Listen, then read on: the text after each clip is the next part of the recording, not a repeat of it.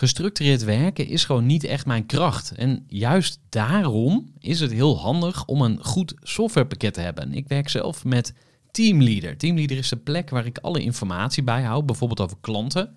Waarin ik offertes maak en verstuur en die digitaal laat ondertekenen. Waarin ik facturen verstuur, waarin ik lijstjes bijhoud, waarin ik projecten kan managen, waarin ik standaard e-mails kan programmeren.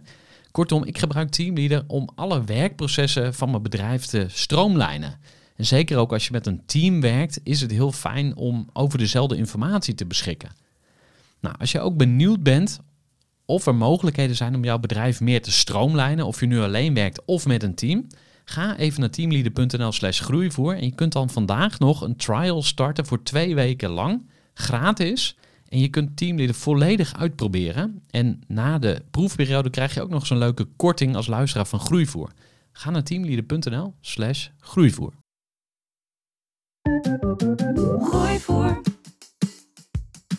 Groeivoer. Groeivoer. Zoek je inzicht, inspiratie voor je eigen bedrijf.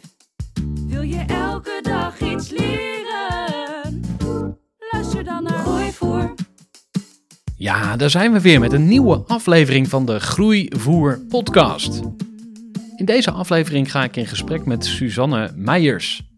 Suzanne is arbeidsrechtadvocaat en auteur van het boek Geen gedoe met personeel. En laten we eerlijk zijn, personeel is voor best veel ondernemers een issue. Vandaar ook het gezegde: ik wens je veel personeel. In deze aflevering legt Suzanne haar fijn uit hoe je als ondernemer met een team toch succesvol kunt zijn. Hoe stuur je mensen aan en hoe voorkom je dat dingen escaleren? Ik wens je heel veel luisterplezier met een nieuwe Groeivoer Voor de podcast. kennis en ideeën van een interessante gast. Die haar verhaal met jou wil delen. Luister je naar Groeivoer.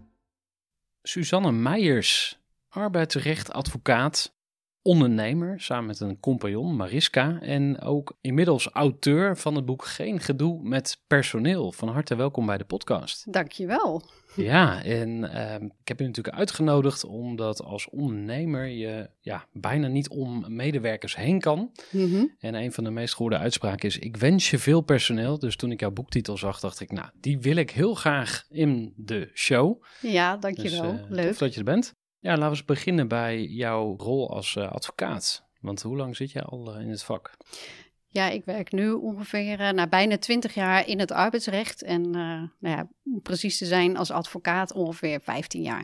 Ik heb al wat aardig wat zaken meegemaakt. Ja, en wat is nou het gekste wat je meegemaakt hebt? Ja, dat is een goede vraag. Ja, er is eigenlijk niet één zaak die me heel specifiek is bijgebleven. Er gebeuren continu gekke dingen.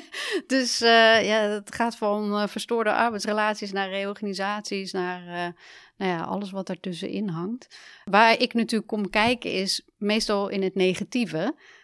dus als je mij inschakelt, is er vaak al wat aan de hand. En het is natuurlijk beter om even te denken van... hé, hey, wacht even, kan ik misschien daarvoor al zorgen dat er geen problemen komen?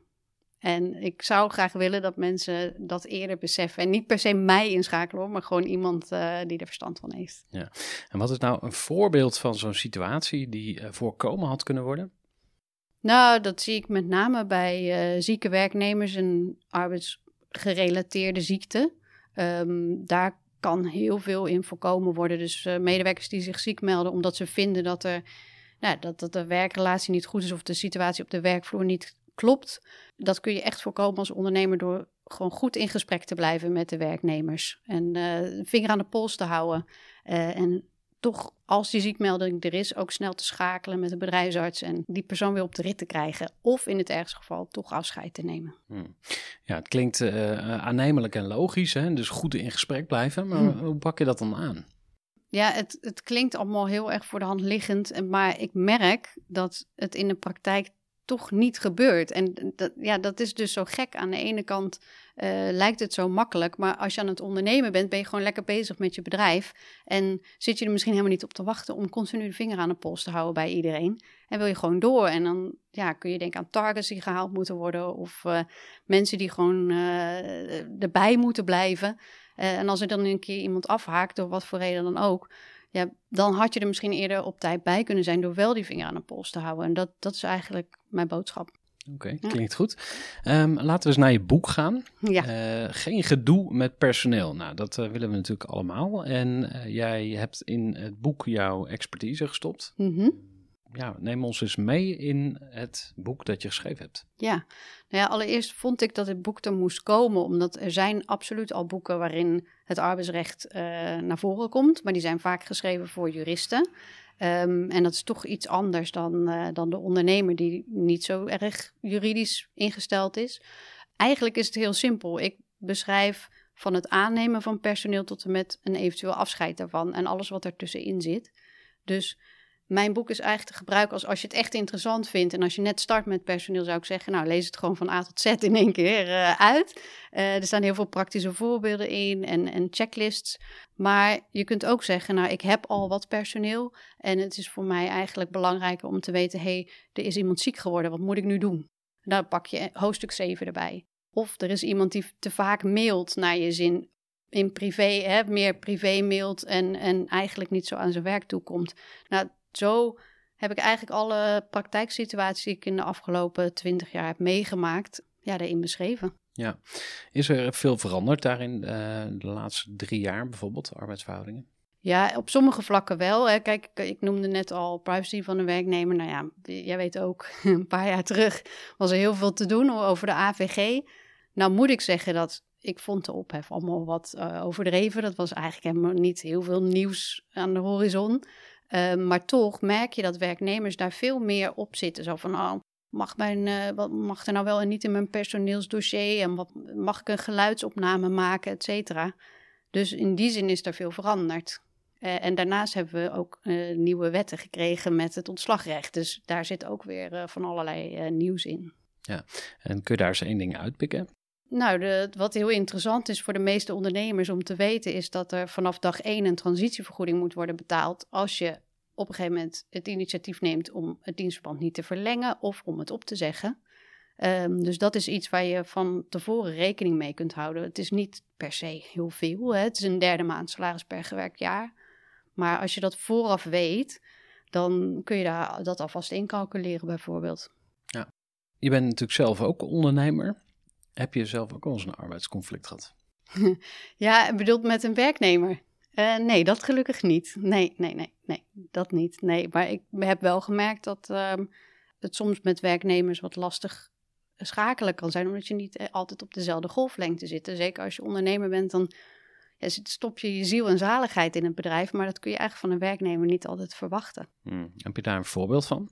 dat, en niet per se een voorbeeld van mijzelf, maar gewoon van ondernemers die ik spreek, is dat die soms van personeel wel echt heel veel verwachten in de zin van eh, overwerken en, en tot, in het, tot eh, het gaatje zeg maar doorgaan.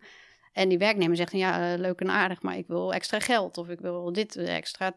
Verantwoordelijkheid is leuk, maar er moet ook wat tegenover staan. En ja, dat moet je dan wel afvragen van, wat is nou realistisch om te vragen? En put ik mijn werknemers niet te veel uit? Zonder dat ik wil zeggen van, het zijn allemaal pushes die je met fluwelen handschoenen moet aanpakken. Maar ehm, Even een korte onderbreking met een belangrijke vraag aan jou. Want wat heb jij geregeld voor het geval je van de ene op de andere dag zou komen uit te vallen? Wat gebeurt er dan met je bedrijf, maar vooral wat gebeurt er met jou persoonlijk en ook in financieel opzicht? Samen met ASR voerde ik drie openhartige gesprekken over tegenslag en veerkracht. En dat deed ik met Saskia, Vincent en Pieter. Ondernemers met een bloeiend bedrijf die van de ene op de andere dag niet meer konden werken. En die verhalen hoor je in aflevering 256, 257 en 258 van deze podcast. Als ondernemer wil je natuurlijk niet uitvallen. En daarom is het belangrijk dat je veerkrachtig bent, want voorkomen is beter dan genezen. En als het dan toch misgaat, is het fijn dat je iets geregeld hebt, zodat je weer snel door kunt met ondernemen. Wil je weten hoe veerkrachtig jij nu bent? Vul dan in twee minuten de veerkrachttest van ASR in. Ga naar asr.nl slash veerkrachttest ondernemers. Ja. Als je terugkijkt op jouw eh, 20 jaar ondernemerschap, wat was voor jou persoonlijk eigenlijk de grootste uitdaging? eh, nou ja, ik ben niet twintig jaar ondernemer geweest, ben Mhm. ook werknemer geweest. Dus Ah, in die zin ja. kan ik dat ook nog eh, een beetje checken, zullen we maar zeggen. Ja, ik denk dat voor mij de grootste uitdaging is geweest toen ik zelfstandig ging, eh, want ik werkte eerst ook eh, in de maatschap met andere advocaten. En daar eh, ben ik nu sinds drie jaar uit. En dat, dat was voor mij de grootste stap. Van hé, hey, ik ga nu zelfstandig door, zonder personeel in principe. Hoe ga ik dat doen? Ga ik dat in mijn eentje ook redden? En dat hoeft helemaal niet in je eentje, want je weet ook, je kan ook een flexibele schil om je heen verzamelen. Ja, dat is de grootste uitdaging. Maar dat is ook gebleken dat het allemaal achteraf prima te tackelen is. En wat was daar precies uitdagend aan? Waar kreeg je daar hoofd of buik bij van? Nou, toch de onzekerheid. Hè? Je, je, weet waar je zit en je weet wat je hebt. Of dat nou leuk of niet leuk is, maar je, je weet waar je aan toe bent. En je gaat de volgende stap zetten. Je gaat alleen verder. Ja, eh, ga je dat redden? Nou, gelukkig is dat gelukt. En wie, wie heeft je daarbij geholpen? Um, ik zit even te denken. Ja, ik heb wel uh, meerdere gesprekken gehad ook met een coach. Uh, dus gewoon iemand eh, onafhankelijk van uh, die met een frisse blik met je mee kan kijken. Althans, die vooral jou aan het werk zet. wat je allemaal wel en niet wil. Dat heeft mij absoluut geholpen. Ja, om de stap te maken. Mooi. Um, ik heb een vooroordeel over juristen. Ah. Je, je bent niet de enige.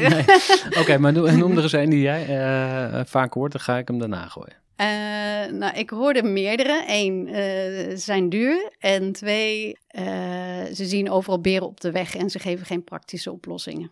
Oké. Okay. ik heb nog een andere. Oh. Maar die van jou zijn ook goed. maar een van mijn vooroordelen is dat het van die enorme strijders voor rechtvaardigheid zijn. En waar ik heel benieuwd naar ben, is eigenlijk naar wat jou drijft om dit te doen.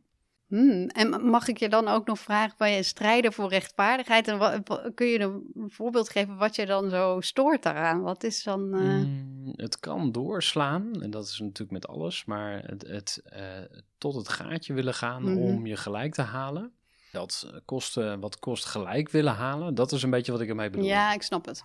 Nou, laat ik het zo zeggen dat ik herken dat niet bij mezelf. Uh, nee, ik, uh, ik herken dat wel soms bij cliënten, hè, die, die dan uh, iets in principe kwestie vinden. Ja, dan wordt het persoonlijk. Ja, en een principe kwestie zeg ik altijd tegen mijn cliënten dat... Eh, ja, dat, dat, is geen goede motivatie om een zaak aan te spannen of om maar door te blijven gaan. Wat mij betreft, ja, ik vind het dat, spreekt me ook zo aan in het arbeidsrecht. Het is vaak wel heel pragmatisch ook. En ik pak dat dan ook het liefst pragmatisch op. Dus je hebt een kosten-batenafweging en wanneer ben je nou echt geholpen ook. Hè? En dat betekent ook dat je in heel veel gevallen beter kunt schikken dan het kunt overlaten aan een rechter.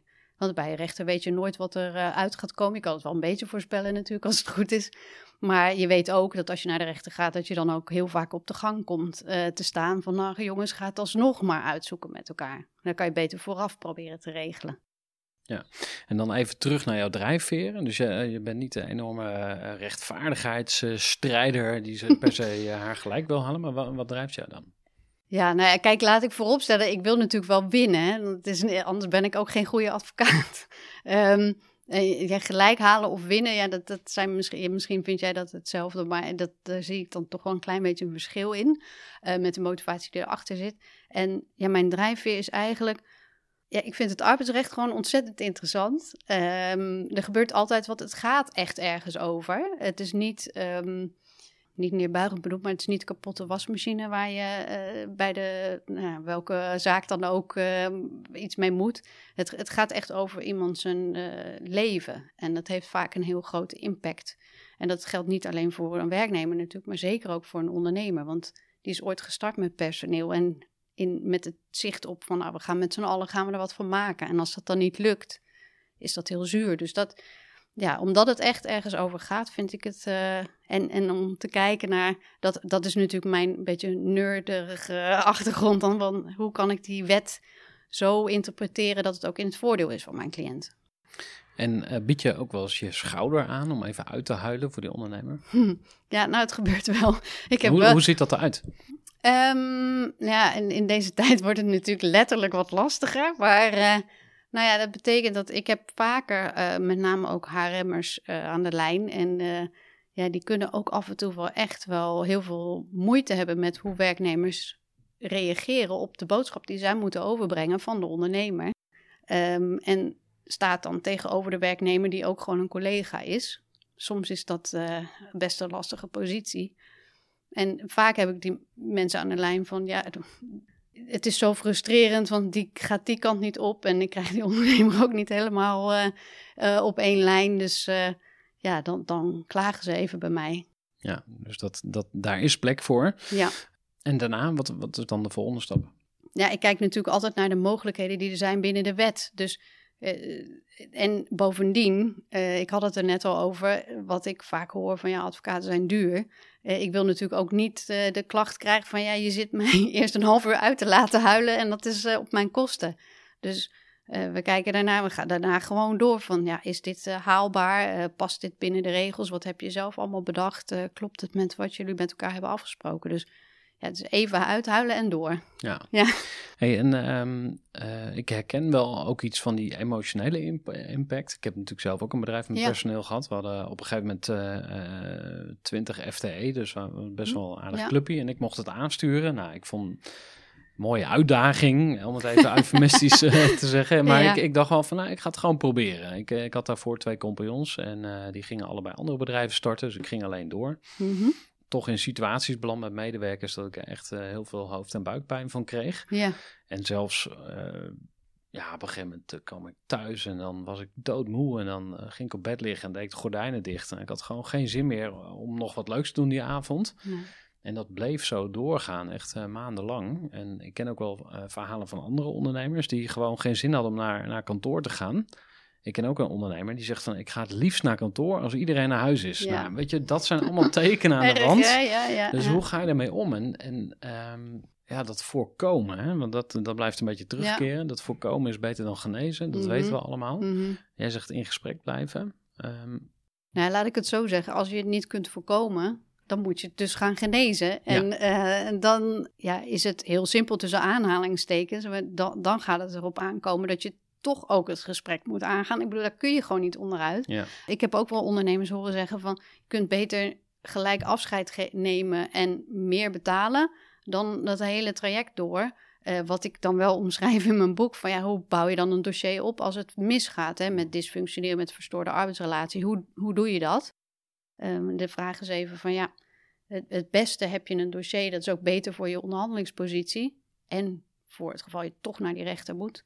Heb je dat niet, ja, dan moet je ook kijken van ja, wat kun je kostenbaten technisch doen? En wat vindt die werknemer zelf nou eigenlijk? mhm.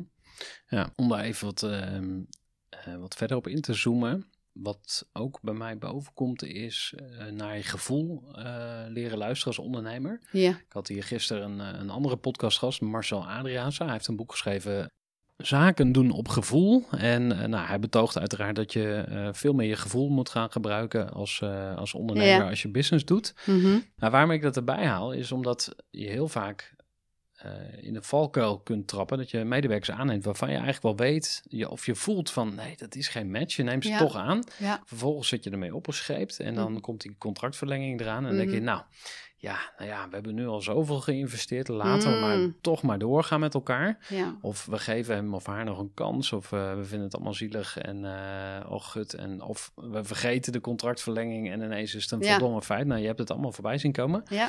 Ehm, hoe, hoe kijk jij naar gevoel? Nou, ik, ik ben het absoluut eens met wat, hij, wat jij zegt. Dat, dat hij in het, ik heb het boek niet gelezen. Dit wel, Mhm. lijkt me wel heel interessant, dus dat ga ik wel doen. Ehm, vorige week had ik nog een ondernemer aan de lijn die zei van ja, moet, we zitten voor zo'n contractsverlenging. En ehm, de, er waren twee directeuren. De een zei van ja, we gaan wel door, want zij heeft hele goede kanten. En de ander zei van nou, eh, ik zie toch wel eh, een mismatch. Ja, eigenlijk is mijn advies van ja, als het niet goed voelt, ga dan alsjeblieft niet verlengen. Doe het gewoon niet. Wa- Wat je ook verder hebt geïnvesteerd, dat, begin maar gewoon liever opnieuw.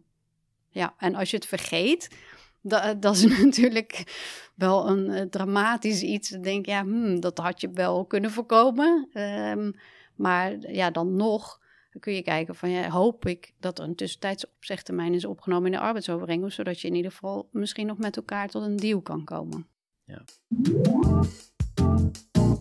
Gooi voor. Groeiclub. Ja, we zijn nu ongeveer eh, halverwege het gesprek en ik wil je graag iets vertellen. Want ik heet Gerhard de Velde en als wij elkaar nog niet kennen, zou ik het leuk vinden om met jou te verbinden op LinkedIn. Dus voeg mij gerust toe en ik zal je accepteren. Nou, en als je ondernemer bent, heb ik misschien nog wel iets extra leuks voor je. Dat is namelijk om een keer langs te komen bij een groeisessie van de Groeiclub voor Ondernemers. Dit is een eh, groep ondernemers die regelmatig bij elkaar komt. Nou, wat doen we dan? We werken aan onszelf door ons kwetsbaar op te stellen en elkaar uit te dagen. En wij werken aan de groei van ons bedrijf, want we willen ook meer resultaat en plezier. Nou, als je ook meer plezier en resultaat wilt in je ondernemerschap, stuur even een berichtje en wellicht kunnen we jou een keer welkom heten bij de Groeiclub. Tot zover deze commerciële onderbreking. Ik wens jou heel veel luisterplezier met deel 2 van dit gesprek met Suzanne Meijers. Luister lekker verder naar Gooi voor. Laten we eens gaan naar eh, het andere onderwerp eh, wat jij op tafel legde eh, als vooroordeel eigenlijk Ja. over juristen. Hè? Ze zijn duur. Ja, Nou, ik ben wel eens benieuwd of jij kunt schetsen wat het nou eigenlijk kost om van iemand af te komen of afscheid te nemen. mhm. ja. Ik, ik las laatst ergens eh, dat je geloof ik 28.000 euro eh, kwijt bent als een medewerker weggaat. Mhm. In productiviteitsderving en Ja. dervingskosten. ja. Je moet een beslissing maken van laat ik iemand eh, gaan of niet. mhm. Eh, dan moet je eigenlijk het totaalplaatje. Dus Ja. die, die, dat die eh, advocatenfactuur stuurt van een paar duizend euro is eigenlijk niet interessant. Nee, nee. Nou ja, dat, dan is het voordeel van advocaat zijn duur ook gelijk getackeld, of Ja. niet? ja, nee, nou ja, ik ben het met je eens. Nou ja, maar dan nog vraag ik me af, van, ja, is, dat dan een, ehm, is dat dan een overweging? De derving van alle investeringen die je hebt gedaan en de investering die je dan, dan weer opnieuw moet doen in een andere werknemer. Ja, ik denk uiteindelijk is het meer waard als je zonder buikpijn naar kantoor kan als ondernemer en ook nog kunt slapen s'nachts. Dus ja, dan denk ik, moet je toch maar afscheid nemen. Heeft het ondernemerschap jou eh, veranderd als mens?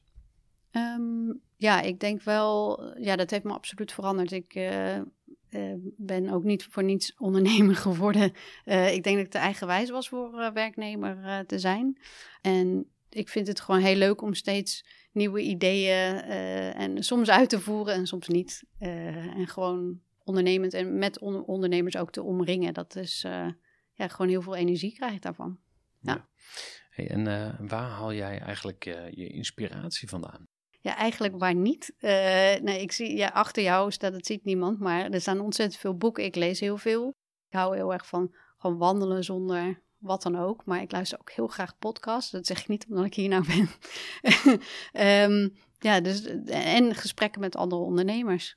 We gaan afsluiten met een, nog een aantal vragen. En eh, waar ik graag even met jou naartoe wil, is jouw eigen ontwikkeling als ondernemer. Mhm. Ehm, waar zou je nog graag in willen groeien? Ja, goeie.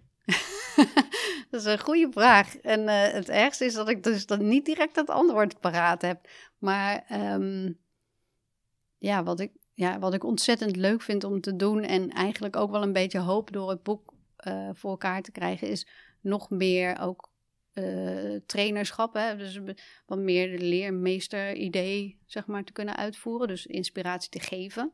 En ja, daar zoek ik nog wel wat meer verdieping eh, in. Hey, en eh, hoe gebalanceerd is jouw leven? Hm. Nou, ik kan meer vrije tijd nemen.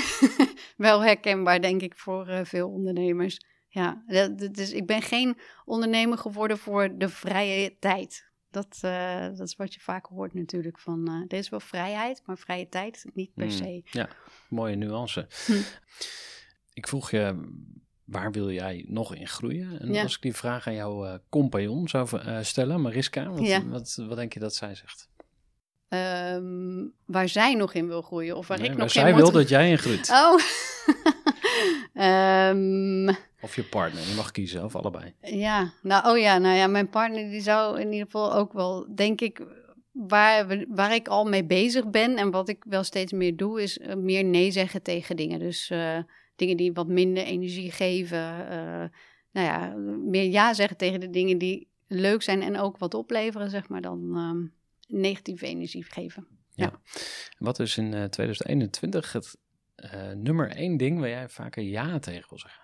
Tegen, nou, tegen leuke zaken van eh, werkgevers. Ja, Ja, dus we komen toch bij werk uit. ja toch wel. Ja. oh jee, ja, dat Eh, was een... ja, dat, ja, dat, daar ben ik toch snel ingestonken, ja. Ja, en wa- en wa- wat is nummer één ding waar jij nee tegen gaat zeggen in eh, 2021? Ehm, ja, tegen, de, tegen klanten die niet klant zijn, maar wel heel veel gratis informatie ophalen. Want ik vind helemaal niks mis met gratis informatie. Ik begrijp me goed verkeerd. Ik blog niet voor niks en eh, heb ook een gratis e-book en alles. Maar soms zijn er gewoon mensen bij die, die nou ja, te veel nemen. Ja, dus aan alle zuigers van Nederland. nee, dat is flauw. Maar eh, je hebt nu een, hele, eh, eh, een heel mooi antwoord paraat. Want je Ja. kan, kan gewoon zeggen, koop mijn boek. Ja, en daar staan alle antwoorden in. En zo duur is Dus, het dan niet in ehm, verhouding tot die advocaatkosten. hè? Nee. hey, want waar moeten we zijn als we jouw boek willen kopen? Nou ja, als je hem op eh, managementboek bestelt, dan help je me mee naar ehm, nou, hopelijk een hogere positie daar in het top 100, wat natuurlijk al altijd top is. Eh, maar je kan hem ook eh, bij Bol, maar ook eh, bij je boekhandel bestellen. Dus dat laatste is natuurlijk veel sympathieker. En ehm, misschien leuk om te weten dat jij ook te horen bent op BNR Nieuwsradio. Ja. Bij het programma Werkverkenners. Dus als je in de auto zit of waar je je dan ook bevindt. en je hoort ineens een hele fijne stem. die je net een half uur gehoord hebt van Suzanne. Kijk niet vreemd op. En ga zeker even het boek Geen Gedoe met Personeel bestellen. Eh Suzanne, dank dat je er was. ja, jij heel erg bedankt dat ik hier mocht komen. Super. Dankjewel. Dankjewel voor het luisteren. En ben je nou blij met deze podcast of met de aflevering? Ga even naar iTunes en laat een beoordeling achter. Of laat een beoordeling achter op groeivoer.nl. Dankjewel voor het luisteren en graag tot een volgende keer. Gooi